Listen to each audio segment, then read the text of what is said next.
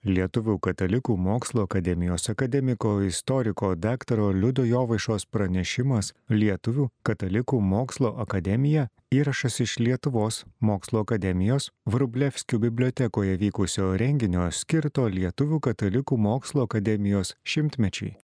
Šiandien norėjau pasidalinti tokiais daugiau kaip istorikas, e, tokiais istorinėmis kruopelytėmis, liūdėjimais apie akademijos veiklą praeitįje, daugiausiai išeivijoje, kiek ji realizavo savo tapatybę, kokių buvo galbūt e, ginčių, diskusijų, nuomonių jos veiklos klausimais, įtampų kaip ir bet kur, iš kurių, iš kurių kyla be abejonės ir, ir geri vaisiai.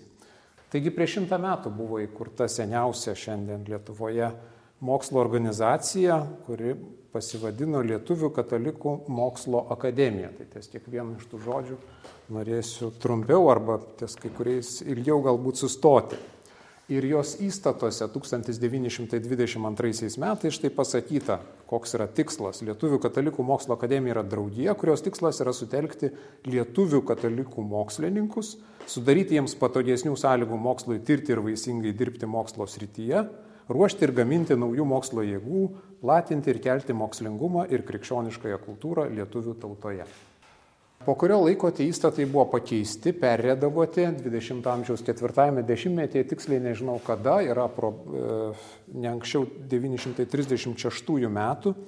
Ir joje iš esmės tas tikslas liko toks pat, bet buvo šiek tiek papildytas. E, pradžioje įterpiant tokią frazę, draugijos tikslas yra organizuoti ir remti mokslo kūrybą. Taigi daugiau atsirado toks papildomas segmentas kalbantis apie mokslo organizavimą ir toliau e, iš esmės kitais žodžiais kartojama tas, kas buvo pirmuosiuose įstatuose. Įdomu tai, kad atkūrus, atkuriant akademiją išeivijoje, buvo remtasi pirmaisiais, pirmąją įstatų redakciją 1922 metų. Ar nariai neturėjo vėlesnės, ar kažkaip nežinau, bet aiškiai e, buvo ta trečioji įstatų versija parengta perredaguojant ne antrąją, bet pirmąją. Na ir galiausiai turime 20 amžiaus pabaigoje dabar patvirtintus įstatus, kuriais akademija vadovaujasi, tai vėl jie remiasi į tą, tą senąją formuluotę, tik tai yra papildyta tokia fraze, kalbančia apie akademijos tarptautiškumą. Sakoma, ugdyti mokslinių asmenybių, kad akademija taptų katalikų mokslininkų centru ir pajėgtų integruoti Lietuvos mokslo į pasaulio mokslo lobyną. Toks labai didingas dar vienas tikslas įrašytas. Tai e, dabar ties tais keturiais žodžiais ir norėjau sustoti - lietuvių, katalikų, mokslo ir akademija. Kodėlgi lietuvių, kodėl ne Lietuvos? E, tai pirmiausia, lietuvių buvo įprasta vadinti organizacijas tuo metu, toje epochoje, tarpukariu. Daugelis draugijų įvairių vadinosi būtent šiuo žodžiu - lietuvių katalikių moterų draugija ar sąjunga ir taip toliau tai e, nieko tokio specifiško. Dabar galbūt, jeigu organizacija kurtųsi, vadintųsi Lietuvos, tuo metu jokios čia tokios anomalijos nėra. Ir tas žodis lietuvių paradoksaliai apvaizdos dėka padėjo akademijai atsikurti išeivijoje, nes ji nebuvo Lietuvos, ji buvo lietuvių, todėl galėjo atnaujinti savo veiklą išeivijoje. Na ir žinoma, kad nors pirmuosiuose įstatuose buvo kalbama apie lietuvių katalikų mokslininkus, ko nebuvo antrojoje įstatų redakcijoje, ten dingo tas lietuvių, tiesiog mokslininkai katalikai, bet niekada akademija na, nežiūrėjo į tą narystę tokiu etnobiologiniu žinau, principu. Tai e, akademijos nariai buvo įvairiais laikotarpiais ir ne vien tikri lietuviai.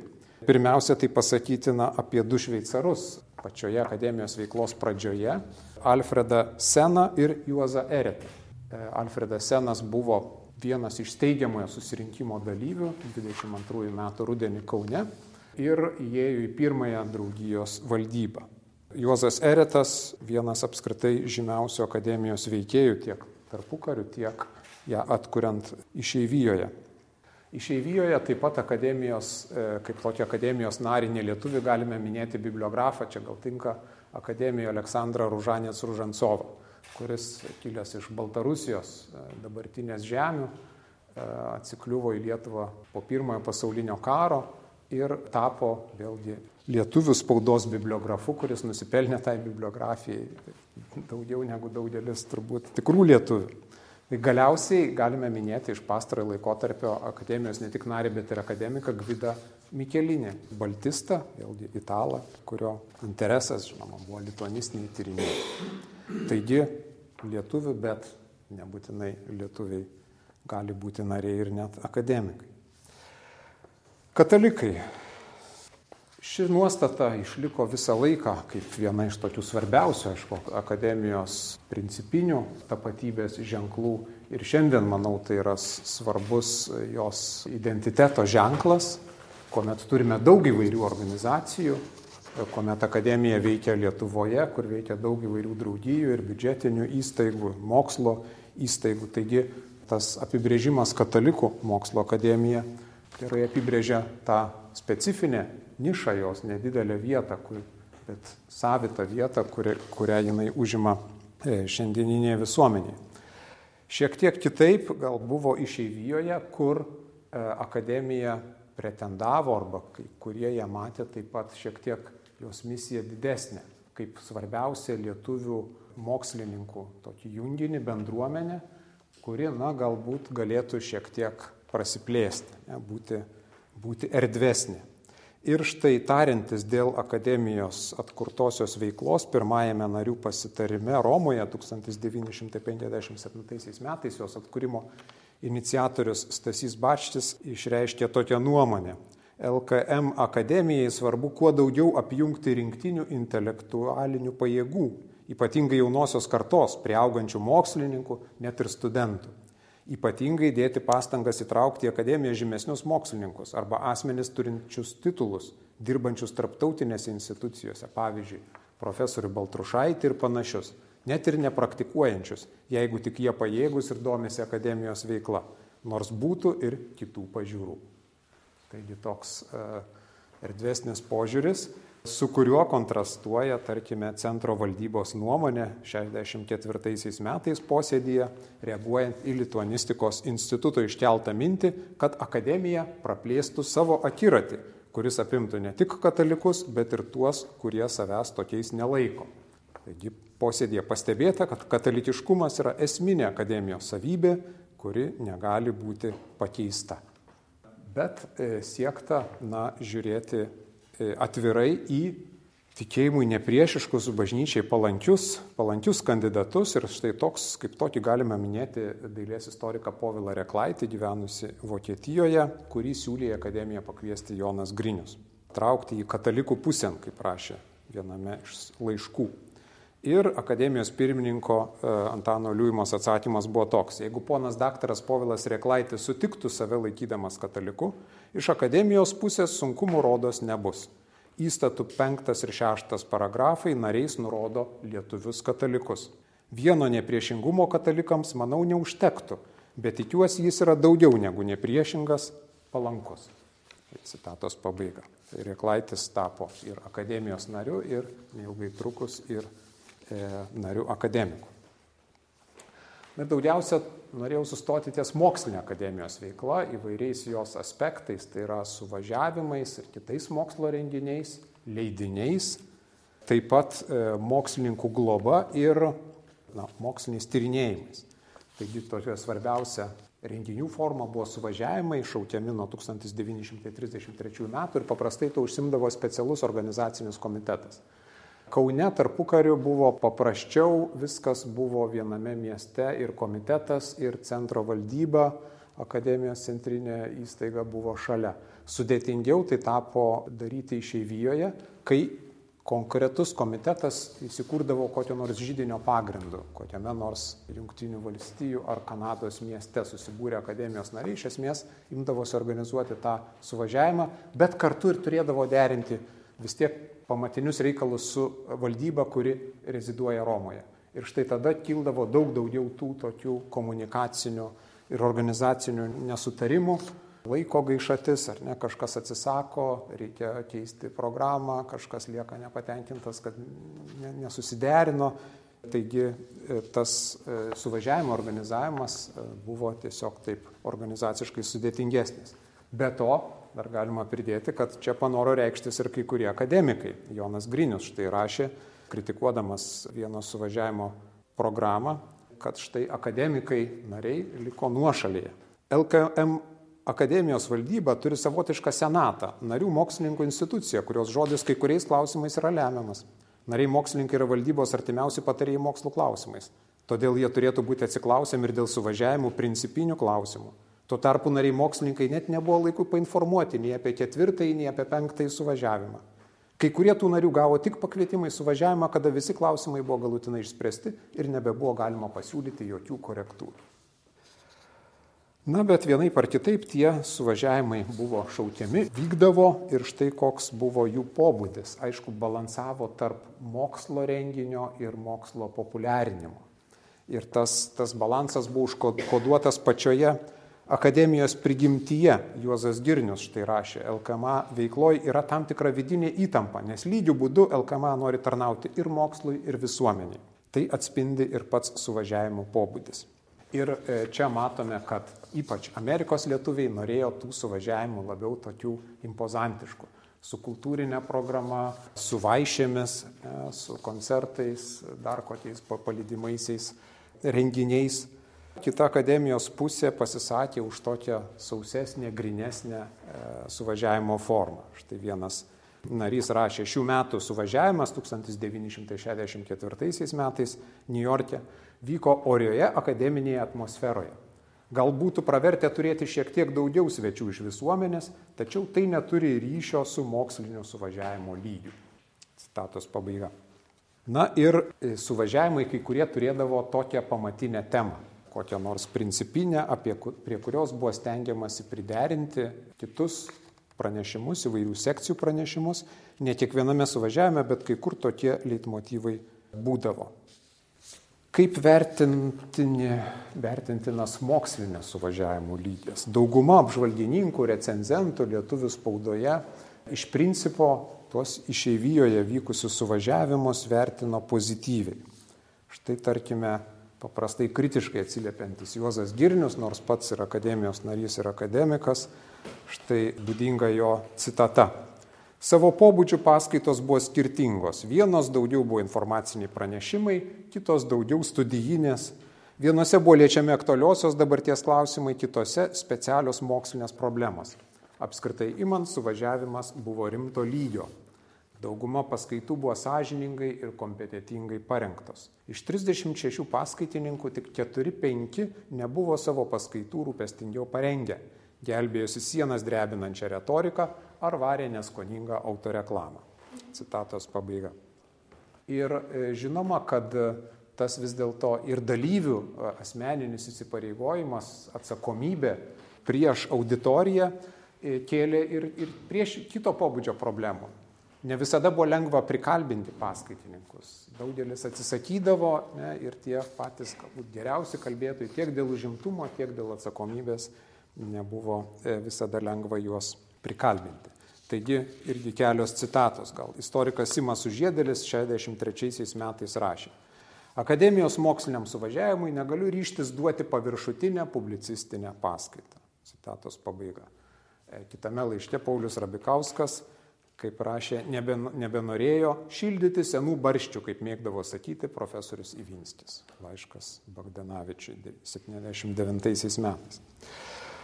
Na ir e, tokiu savo formą, pobūdžiu e, suvažiavimai daugiau mažiau savo mokslinio, mokslinio tokiu pobūdžiu nusistovėjo ir darėsi ilgainiui negi nuobodus. Taip pastebėjo Juozas Girnius apie rašydamas apie devintąjį suvažiavimą 73 metais. LKM suvažiavimai yra taip nusistovėję, kad aplamai jų lygis lieka vienodas. Nei blogiau, nei geriau vyko ir šis suvažiavimas. Tačiau toks nusistovėjimas nejučiamis reiškia ir surutinėjimą. Turbūt žvelgiant dar toliau į, į, į, į arčiau mūsų dienų, dar galima pasakyti, ne, kad e, ne visada gal labai ir blogas dalykas buvo surutinėjimas, akademijai, turbūt pradėjus, pradėjus renkti suvažiavimus Lietuvoje, pasirodė galbūt kita blogybė, tai aš sakyčiau, dėl to masiškumas, e, grandioziškumas suvažiavimų ir neišvengiamai tas buvo susiję ir su to mokslinio lygio nuosmutiu, kas privedė prie to, kad dabar po 20 suvažiavimo mes tokių didelių mokslinių suvažiavimų neturime. Tai gal tokia hiperkritiška nuostata tos patirties atžvilgių ir jeigu akademija gyvuos, aš manau, kad tikrai reikėtų tą tradiciją kažkaip atkurti, ne tokia grandiozinė forma, galbūt rasti kokio nors naują pavydalą, bet vis tiek akademijos narių tokio mokslinio sambuvio, kai kurie akademijos nariai turi tokių norų ir aspiracijų. E, suvažiavimų formas. Kaip jau minėjau, dalis turėdavo kokį nors leitmotyvą, antrasis suvažiavimas šių laikų dvasios krizė arba Vilniaus universiteto jubiliejus 11 suvažiavime 79 metais. Kartais tai būdavo išdėstoma plenarinėme posėdėje, įžanginėme posėdėje eksponuojama ta tema. Kartais buvo tikimasi, kad ji perės per įvairias sekcijas, kas aišku buvo sudėtinga, nes mokslai labai įvairūs, ne vien humanitariniai, ne vien socialiniai, gam, gamtos mokslai, matematikos mokslai, bet tokia jo ambicija būdavo ir kartais pavykdavo tokį leitmotyvą per daugumą pranešimų netgi išlaikyti. E, suvažiavime darbas vykdavo sekcijomis, paraleliai pasidalinus pranešėjams ir labai dažnas irgi atgarsis į suvažiavimą. Kodėl nebuvo vienos ar kitos sekcijos? Praeitame suvažiavime buvo, dabar nebuvo. Arba pasidžiaugimas, kad atsirado daugiau sekcijų, kurių nebuvo praeitą kartą. E, tai vėl tas sviravimas buvo nulemtas to, kad sekcijos neveikia nuolatos akademijoje, neturėjo, tai buvo tik tai suvažiaviminiai tokie sambūriai ir nu, pavyks ar nepavyks suformuoti sekciją, kiekvienu atveju priklausė nuo konkrečių žmonių, konkrečių pranešėjų. Jeigu susirenka, ta grupelė sekcija yra, nesusirenka vėl, jeigu suvažiavimas Europoje, gal sunkiau prikviesti didesnę akademijos narių dalį iš Amerikos, tų sekcijų būna ir mažiau. Ketvirtajame suvažiavime, pirmasis e, vykęs Romoje atkūrus akademijos veiklą, E, buvo nedaug labai pranešimų, bet buvo tokia koreferavimo praktika. Tiesiog bandymas e, e, labiau įvesti tokias profesionalias diskusijas į tą suvažiavimą, pagrindinis pranešėjas ir tada koreferentas tą pačią temą. Ir štai po to tokios praktikos jau nebebūta, suvažiavimai plėtėsi, augo, tiesiog pranešimai ir klausimai bei diskusijos, bet be tokio koreferavimo ir Jonas Grinius pasigėdo štai tokios praktikos. Penktajame suvažiavime, džiaugdamasis jo kiekybę, rašė, negalima amblok džiaugtis jo kokybė, kuri nebuvo lygi. Šio suvažiavimo aprašymuose neteko užtikti, kad paskaitos būtų turėjusios koreferentus. Tuo tarpu Romos suvažiavime tokių koreferentų buvo nors ne prie visų paskaitų. Tai reiškia, kad ketvirtajame suvažiavime į paskaitas buvo rimčiau žiūrėta negu penktajame. O prie prelegento priskirimas koreferento svarbus tiek problemos gilesniam ir tikslesniam išnagrinėjimui, tiek diskusijoms. Be koreferento šios dažnai nukrypsta į antrailius dalykus, nes mokslo mėgėjai dažniausiai nebūna tiek pasiruošę, kad galėtų stoti su referentu į rimtus svarstymus pagrindiniais klausimais. Citatos pabaiga. Paskaitos. Žinoma, paskaitų, kaip ir kitų mokslo renginių, įvairių suvažiavimų, konferencijų pagrindinės bėdos kartojasi ir čia nieko specifiško. Paskaitininkai kalba per ilgai, tenka jiems trumpinti skaitant, nukenčia dėstymas ir išvados, arba priešingai paskaitininkas pirmasis užtęsia laiką tiek, kad paskutiniam sekcijos kalbėtojui visai nebelieka laiko. Taip pat ir tematika. Kai kurie paskaitininkai atsisakinėdavo, nes temos jiems buvo pateikiamos tokios siūlomos, kurios jiems atrodė vienam arhaiškos, kitam mažai ką bendro su mokslo turinčios ir apskritai pagydauta, kad temos būtų labiau ne apžvalginio, bet tokio probleminio, e, probleminio diskusinio pobūdžio. Paskaitininkai taip pat labai svarbi žinoma suvažiavimo dalis, tai dažniausiai pageidavimai ir nusiskundimai, kad maža jaunimo, kad prelegentais buvo pakviesti daugiau išsireklamavę negu nusipelnę ir kad paskaitininkai kartojasi iš vieno suvažiavimo į kitą. Štai Juozas Girnius rašo apie tai, visiškai nėra reikalo ir vis tuos pačius žmonės kviesti paskaitoms. Kai kurios sekcijos to nepaisė ir lyg demonstravo, jog jų sritise daugiau žmonių ir nėra. Dar labiau nedėra sekcijų vadovams kiekviename suvažiavime patiems rodytis. Jų pareiga yra ne save pačius reprezentuoti, o iškelti savosios ryties naujas pajėgas, ypač iš jaunesniųjų mokslininkų tarpo. E, kaip teigiamas dalykas buvo pastebėta, kad štai 970 metais ieškant paskaitininkų griežtai nesiribojama tik akademijos nariais. Taigi einama plačiau už akademijos ribų.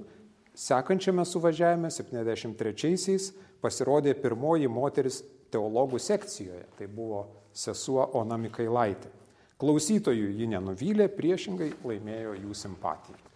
Na ir, kaip minėjau, pasiūlymai, į kuriuos buvo reaguojama dėl tokios kultūrinės ar pramoginės e, suvažiavimo dalies, centro valdyba svarstė pasiūlymą iš Amerikos suvažiavimo reikalų, ruošiamą suvažiavimą Čikagoje, pirmąjį Junktinėse valstijose. Pasiūlymas iš suvažiavimo nedaryti universitetinių studijų, bet labiau manifestacija, tik šį bei tą duodant iš paruoštų ir atspausdintų studijų nebuvo priimtas. Motivuota, kad akademija nėra visuomeninė organizacija, kuriai užtektų triukšmo kabutėse sukelto per pasirodymą. Akademijai taip pat netinka nei koncertas ar kas nors panašaus. Nepaisant to, vėliau ta kultūrinė programa Amerikoje vykusiuose suvažiavimuose didesnė ar mažesnė atsirasdavo tas dėmuo. Paulius Rabikauskas rašė kolegai e, istorikui Viktorui Didžiūnui 64 metais. Banketas gal mažiau reikalingas mokslo akademijos suvažiavimui negu, sakysim, kokiam visuomeniniam susibūrimui, dainų šventijai, kultūros kongresui ar panašiai. Tai tokie buvo suvažiavimai, kurie skirti pirmiausia saviesiems. Lietuvių auditorijai epizodiškai e, galima paminėti ir tokius mėginimus trupučiuką akademiją išėvijo išeiti iš lietuviškos erdvės tarptautinę.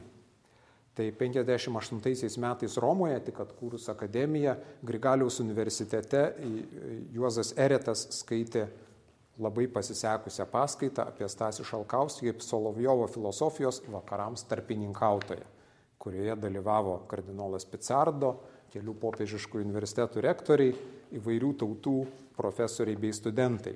Ir turbūt įkvėptas tos paskaitos Juozas Eretas ir siūlė kasmet bent vieną paskaitą paruošti svetimą kalbą, išleisti užsienio žurnale, o vertimą įdėti į metraštį. Tik tokios paskaitos, sakė jis, turėtų būti rimtai paruoštos.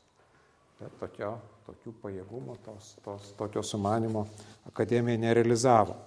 Taip pat vienas apžvalgininkas pasiūlė pasinaudoti progą priešingai akademijos suvažiavimuose pakviesti kokį nors pašalieti Proga tam davė suvažiavimas vykęs New York'e Fordhamo universitete ir recenzentas rašė, tektų pasvarstyti, ar nevertėtų įtraukti kokią mokslo pažybą iš kitataučių, ypač kai tam yra tokios natūralios sąlygos kaip šiemet. Taigi ir prisistatyti patiems, bet taip pat ir e, prisistatyti kviečiant ką nors. Ta tarptautiškumą daugiau, e, daugiausiai turbūt buvo realizuotas jisai stengiantis sistemingai pristatyti akademijos leidinius į svarbiausias Europos ir Amerikos, e, Amerikos bibliotekas, apie ką liūdija archyvose išlikę čekiai, kvitai apie gautus akademijos leidinių tomus iš šitų bibliotekų. Parodos tekstai valdinėme turbūt palikau vieną klaidą, lepsusą, tai šią progą pasinaudosiu irgi ištaisyti. Akademija ne, e, ne šiuo pastaruoju laikotarpiu užmėsgė ryšių su Paks Romana, tarptautinė katalikų intelektualų tokia bendruomenė, E, bet jie buvo, jie buvo užmėgsti jau prieš antrąjį pasaulinį karą. Taigi dabar akademija tuos ryšius iš tikrųjų atnaujino, suintensyvino, jie ateina iš prieškario, bet jokių ženklų, kad išeivijoje veikusi akademija būtų kaip nors su Paks Romana intensyviau komunikavusi, nors tai buvo daug paprasčiau, tarsi ir natūraliau, e, neteko man užtikti. Kita mokslinės e, veiklos pusė buvo žinoma leidiniai. Ir čia išeivijoje įvyko, galim sakyti, tikras toks akademijos leidybos sprogimas. Jeigu ketvirtajame dešimtmetyje akademija išleido keturias, keturias knygas, jakšto užgesusius žiburius ir tris suvažiavimo darbų tomus, tai pirmininko Antano Liujimos pirmiausia dėka, tokio spaudimo, organizavimo, darbo asmeninio dėka, buvo pratesta suvažiavimo darbų serija, atėjusi iš e, prieškario laikotarpio, iš jakšto veikalo, Jakšto veikalas davė pradžią serijai biografiniai, šiek tiek paredaguotų pavadinimų Negestantis žiburiai, vietoj užgesusių žiburių. E, buvo pradėtas leisti Lietuvų katalikų mokslo akademijos metraštis, vėlgi skirtas įvairiems moksliniams tekstams ir turbūt, nežinau, šiandien yra vienas iš, iš seniausių lietuviškai leidžiamų periodinių mokslo žurnalų nespecializuotų, ne, ne, ne kokios nors vienos mokslo srities. Lietuvos istorijos šaltiniai, daugiausia bažnyčios istorijos šaltiniai, pradėta serija ir taip pat pradėti leisti rinktiniai raštai akademijos narių Konstantino Viržonio, Zenono Ivinskio, Antano Salio. Tai ir buvo suprantama, kad šiais veikalais akademija labiausiai reiškėsi mokslinėje srityje. Kita vertus, žinoma, tas darbas, produktivumas lėmė ir kartais kokybės trūkumą. Tai 66 metais Paulius Rabikauskas rašė, Pirmininkas, žinoma, nori, kad akademija veiktų kabutėse, o jo nuomonė šiuo metu jį te galinti veikti leisdama akademikų knygas ir straipsnius. Svarbu tik leisti, o kokybės jau mažiau žiūri. Citatos pabaiga. Kitais metais centro valdybos posėdėje Juozas Vaišnora Marijonas pastebėjo, ar ne per sparčiai einama su metraščiais. Reiktų žiūrėti, kad metraštis būtų aukštesnio mokslinio lygio, labiau atrinkti spausdintinus metrašties straipsnius. Būtų gera, kad kartais visi metrašties spausdinami straipsniai gvildentų vieną kurį klausimą ar temą. Citatos pabaiga. Kita vertus galime suprasti ir metraščio redaktoriaus e, Antano Liuimos vargus. Štai jis e, aplinkraštyje akademijos nariams skelbėsi, kad norėtų sulaukti didesnės narių talkos. Pacituosiu. Šiuo metu aktyviausiai reiškiasi istorikai ir pradeda visiškai užgožėti kitas mokslo sritis. Tačia proga akademija kreipėsi kitų mokslų sričių žinovus ir ragina, kad jie neužsileistų istorikams ir kad tokiu būdu metraštyje būtų daugiau ar mažiau atstovaujamos ir kitos mokslo sritis, o ypač lietuvių kalba ir literatūra, nes šiai sričiai bendradarbių beveik neįmanoma rasti. Citatos pabaiga. Na ir vėl žvelgiant į tokį vėlesnį e, dar akademijos veiklos etapą, tai irgi galime matyti tokį kritišką, gal irgi nekokybišką leidimo, leidybos epizodą 20 amžiaus pabaigoje, perkelus akademijos leidybinę veiklą į Lietuvą. Tai čia irgi dažnai pritrūkdavo to tokio profesionalumo, dėl kurio perfekcionistai, akademikai tiesiog puldavo į nevilti. Tai vienoje, vienoje publikacijoje metraščio buvo neperskaityti, tiesiog kompiuteris neperskaitė tinkamai, pakeitė diakritinius ženklus itališkame tekste Pauliaus Rabikausko šaltinių publikacijoje. Pasirodė ten žvaigždutės, kažkokie kableliai, išėjo visas metraščio numeris ir Rabikauskas guodėsi. Tik tai labai gaila, kad tokį vardą nešiojant instituciją išdryso viešumon išleisti su tiek ir tokiais brokais išleido ir siunčia į Vatikano, Vašingtono, Paryžiaus ir kitas bibliotekas, kad ir po dešimtmečių visi matytų, kokie buvo apsileidę lietuviai, kad net mokslo akademija neįstengė žmoniškai perrašyti paprasto itališko teksto. Tai uh, vėl manau, kad ačiū Dievui dabar ta leidybos veikla yra šiek tiek gal ne tokia intensyvi, bet tikrai kruopštesnė ir tokio pobūdžio lepsusų išvengiami. Mokslininkų rėmimas Išeivijoje buvo galvojama apie tai, e, kad būtų labai gera sudaryti sąlygas e, lietuvių mokslininkams atsidėti lituanistiniam mokslo darbui. Tiems mokslininkams, kurie neturi tokios tinkamos darbovietės ar nėra angažuoti kokioje mokslo įstaigoje ar kitame darbe, arba kurie norėtų tuo užsimti, nu, kad ir už tokį ne, pragyvenimą garantuojančias e, nedidelės pajamas. Taigi pirmajame narių pasitarime Romoje 57 metais buvo apie tai kalbėta. Juozas Eretas sakė, reikėtų sudaryti kai kuriems mokslininkams sąlygas vien moksliniam darbui. Ir pats apie save galvoja protokole parašyta. Antanas Liuimas siūlo jau dabar konkrečiai nuspręsti sudaryti sąlygas Ereto moksliniam darbui. Vyskupas Vincentas Padolstis sako, bus daroma visa, kas galima. Balčiūnas pritarė reikalui sudaryti sąlygas moksliniam darbui keliems asmenims. Tam reikia pastovios pabrėžta pinigų sumos. Deja, vos po kelių mėnesių centro valdybos posėdėje viskupas Padolstis sakė, kad, sako, kad eretui reikėtų 180-200 dolerių mėnesiui. Tų pinigų nėra.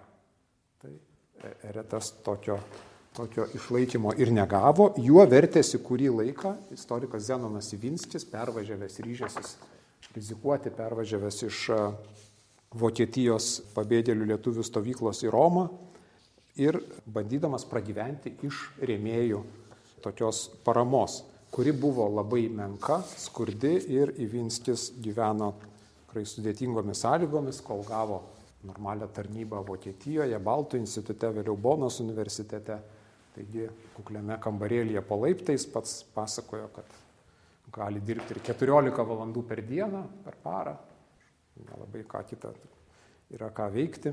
Ir štai jo bičiulis Jonas Grinius 1950 metais e, rašė į Vinskius, tam tikrą ironiją.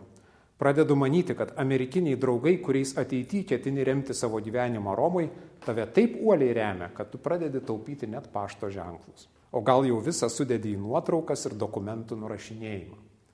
Status pabaiga. Tai tuo metu vėlgi buvo tokia paslauga archyve, archyve sumokėti perrašinėtojui. Ir Vincis taip dirbo ne pats tiesiogiai skaitydamas nurašinėdamas dokumentus, bet surasdamas ir duodamas tokiam pagalbinį darbą atliekančiam pagalbininkui. Na ir 1961 metai, panašiu metu, e, akademijos pirmininkas visuotiniam susirinkimui akademijos rašo. Reikia sudaryti galimybės atitinkamam skaičiui, pradžioje mažesniam, vėliau reikalingam, atsidėti moksliniam darbui visiškai netrukdomai. Nėra lėšų, neturi iš ko pragyventi mokslininkas. Tiesidžiaudė sako, kad jo straipsnis spausdinamas. Taip, ne tik gali, bet ir turi džiaugtis. Tačiau mokslininkas vienu džiaugsmu kabutėse nepasisotins, neapsivilks, lygoje nepasigydys.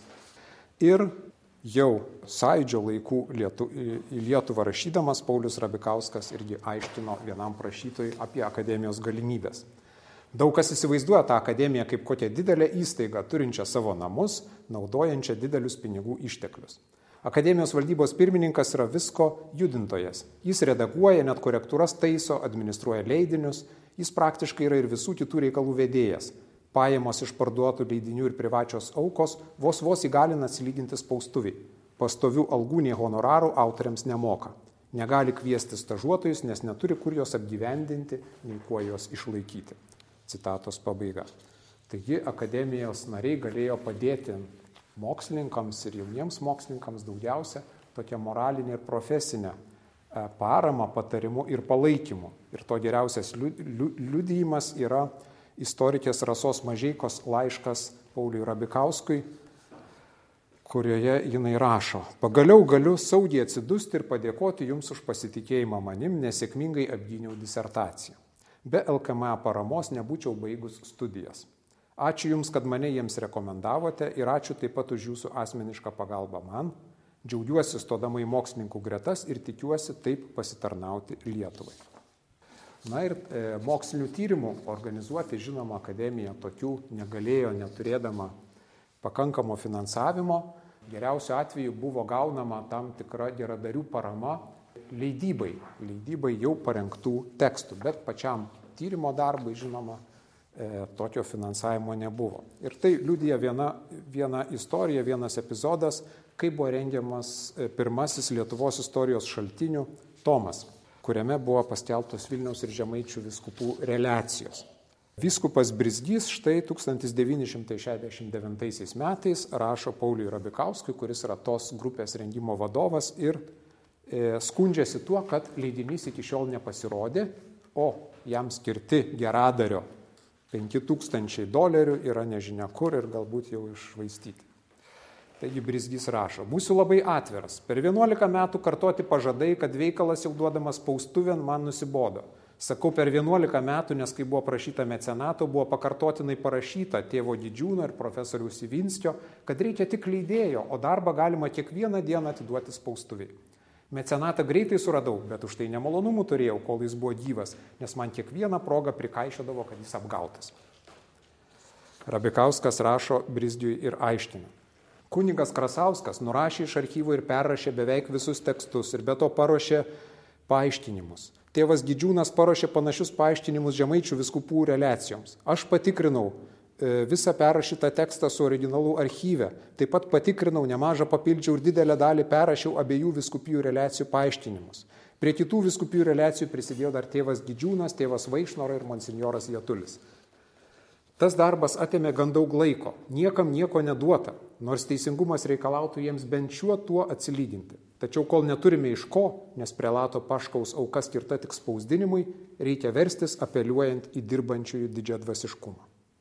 Taigi tas leidinio rengimas užsitęsė dar porą metų, 13 metų ir e, gauna Tomą pagaliau vyskupas Brizgys ir rašo Rabikauskui. Gavau relacionės, žinoma, jų neperskaičiau, tik peržvelgiau ir radau, kad vertės perskaityti. Neturėjau nuovokos, tiek daug darbo teko jums pačiam. Tai tikrai monumentalinis darbas, autentiškas šaltinis Lietuvos bažnyčios istorijai, kas norės ją studijuoti. Duok Dieve, kad prelatas Paškauskas bent dangaus karalystėje galėtų šiuo darbu pasidžiaugti. Ačiū už šį didelį, gražų ir gražiai išleistą monumentą.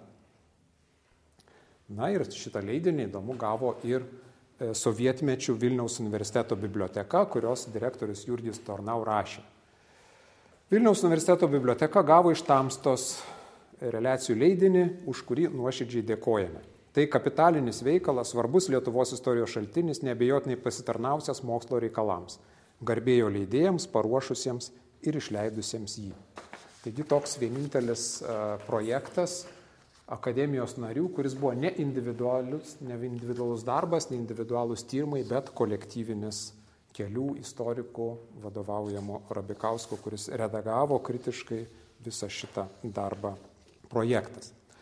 Na ir paskutinis aspektas būtų akademikai, kas yra tie svarbiausi akademijos nariai, labiausiai pasižymėję mokslininkai Ir čia amžinas toks klausimas buvo, kiek tų akademikų turėtų būti. Ar daugiau žmonių reiktų pakviesti, užangažuoti, ar čia turėtų būti labai tokia e, super elitinė grupė. Taigi kai kurie e, ryklieji kritikai, Jonas Grinius, Juozas Girnius, Paulius Rabikauskas, e, priešinosi galimam devalvavimui akademikų per didelio asmenų skaičiaus e, kvietimai. Štai Jonas Grinius rašė, Nereikėtų akademijos nuvertinti iki visuomeninio klubo žmonėmis, kurie nei daktaro laipsnio neturi, nei mokslinių darbelių yra išleidę. Kitaip nuo akademijos galima atbaidyti tuos žmonės, kurie į mokslą rimčiau žiūri. Tai jis rašė, turėdamas omeny kelis kandidatus ir paradoksalu taip galvoja vienas iš tų kandidatų - Mykolas Krupavičius, kuris taip pat rašė. Manau, kad į mokslininkus reikėtų skirti tikrus mokslininkus, o negalimus - inspe. Toks nekritiškas mokslininkų skirimas sukelia nepalankių akademijai reakcijų. Rabikauskas savo dienoraštyje rašė. Akademija vedama į vis didesnį nivelizaciją ir vis didesnį nutolimą nuo skambios jos kvalifikacijos mokslo. Kelio atgal beveik nėra. Negi išmes iš narių, kabutėse tarpo, kurie neturėjo būti priimti, nebent į jos rėmėjus, ir iš mokslininkų, kabutėse tarpo, kurie bendrai žmonių nelaikomi mokslininkais. Citatos pabaiga. Taip pat ir Juozas Girnius džiaugiasi, kad ačiū Dievui į narius mokslininkus ne visi dešimt praėjo. Kad nario mokslininko vardas išlaikytų savo vertę, reikia saugotis jo infliacinio nupiginimo. Ligi šiol jį reikia užsidirbti, o nebūti komplimentiškai padovanojamam. Jei būtų pradedama jį suteikti pagal amžių ar tarnybai, savo vertės netektų. Šio suvažiavimo narių organizacinėme susirinkime galbūt nebe pagrindo buvo keliama mintis, kad kandidatai narius mokslininkus būtų siūlomi ne geros širdies, o tos pačios ryties narių mokslininkų, galinčių objektyviau sverti kandidato mokslinį svorį. Citatos pabaiga. Na ir priešingą Antano Liuimos akademijos pirmininko požiūrį galime matyti e, jo pasisakymę. Pagal girnius svarbiausias kriterijus mokslinė kūryba, parenkant akademikus. Ne popularizacija, publicistika ar panašiai, bet mokslo veikalai. Manytų, kad reikalinga knygos, bet nusileidžia konkrečiai ir prie gausių mokslinio turinio straipsnių. Reikėtų mokslinio laipsnio, bet irgi gal neimti labai griežtai, juk nie Brazaitis, nie Dambrauskas jų neturėjo ir daugelis kitų, o kiti ir su laipsniais neraštingi daktaro Dirniaus žodžiais tariant. Citatos pabaiga. Taigi, ar galime tvirtinti tą organizacijos vardą, ar tikrai Lietuvių katalikų mokslo akademija, gal geriau atitiktų, tiktų ją vadinti Lietuvos, o gal išplėsti krikščionių? Ir gal tai būtų veikiau mokslininkų ir mokslo mėgėjų draugija, tai tą klausimą atsakyčiau gal taip trejopai. Nors tas dabartinis pavadinimas galbūt nėra visiškai idealiai atitinkantis akademijos pobūdžio ar turinio, vis dėlto. Pirma, jis turėtų būti orientyras, į kurį, kur link turėtų plaukti blaškomas, netobulas ir nuo kurso į vieną ar kitą pusę natūraliai nukrypstantis organizacijos laivas. Antra, Vardas nurodo tapatybę, tačiau neužkerta kelio vidiniai raidai ir transformacijoms. Akademija, išlaikydama savo vardą, nebūtinai turi tapti e, sustingusiu kažkokiu monolitu. Tiesas, apaštalas Simonas tapo Petru, Saulis Pauliumi persivadino, ne, bet kiti kiti šventieji net ir po savo vidinės transformacijos išlaikė savo vardą. Augustinas ir po atsivertimo liko Augustinu, Pranciškus Pranciškum, Ignacas Ignacu. Tai akademija gali kisti, bet išlaikyti savo vardą. Na ir pagaliau formalus dalykas - vardo keitimas, tai reikštų dar vienos ilgametės organizacijos, kurių dėl dramatiškos 20-ojo amžiaus Lietuvos istorijos turime labai mažai pabaigą. Nes pavadinimo keitimas reikštų akademijos panaikinimą. Trečiajame įstatų straipsnėje sakoma, šių įstatų pirmasis straipsnis nusakantis akademijos vardą ir antrasis nusakantis akademijos tikslą negali būti pakeisti, nepanaikinant Lietuvių katalikų mokslo akademijos. Taigi, manau, kad turėtume branginti tą tapatybę, tą istorinį paveldą, kurį turim, kuriuo remiamės, kuris yra ne našta, bet e, privilegija ir dovana. Ir kartu mėginti atsiliepti į šio laikinius iššūkius, šio, laikinius, e, šio laikinės realijas. Ir apie tai turbūt e, daugiau mėginsim kalbėti akademijos šimtmečio minėjime labiau gal būtų tikę kalbėti apie praeitį, bet mėginsime šimtmečio minėjime kalbėti apie dabarties ir ateities e, planus. Girdėjote Lietuvių katalikų mokslo akademijos akademiko, istoriko daktaro Liudo Jovaišos pranešimą Lietuvių katalikų mokslo akademija įrašas iš Lietuvos mokslo akademijos Vrublevskių bibliotekoje vykusio renginio skirto Lietuvių katalikų mokslo akademijos šimtmečiai.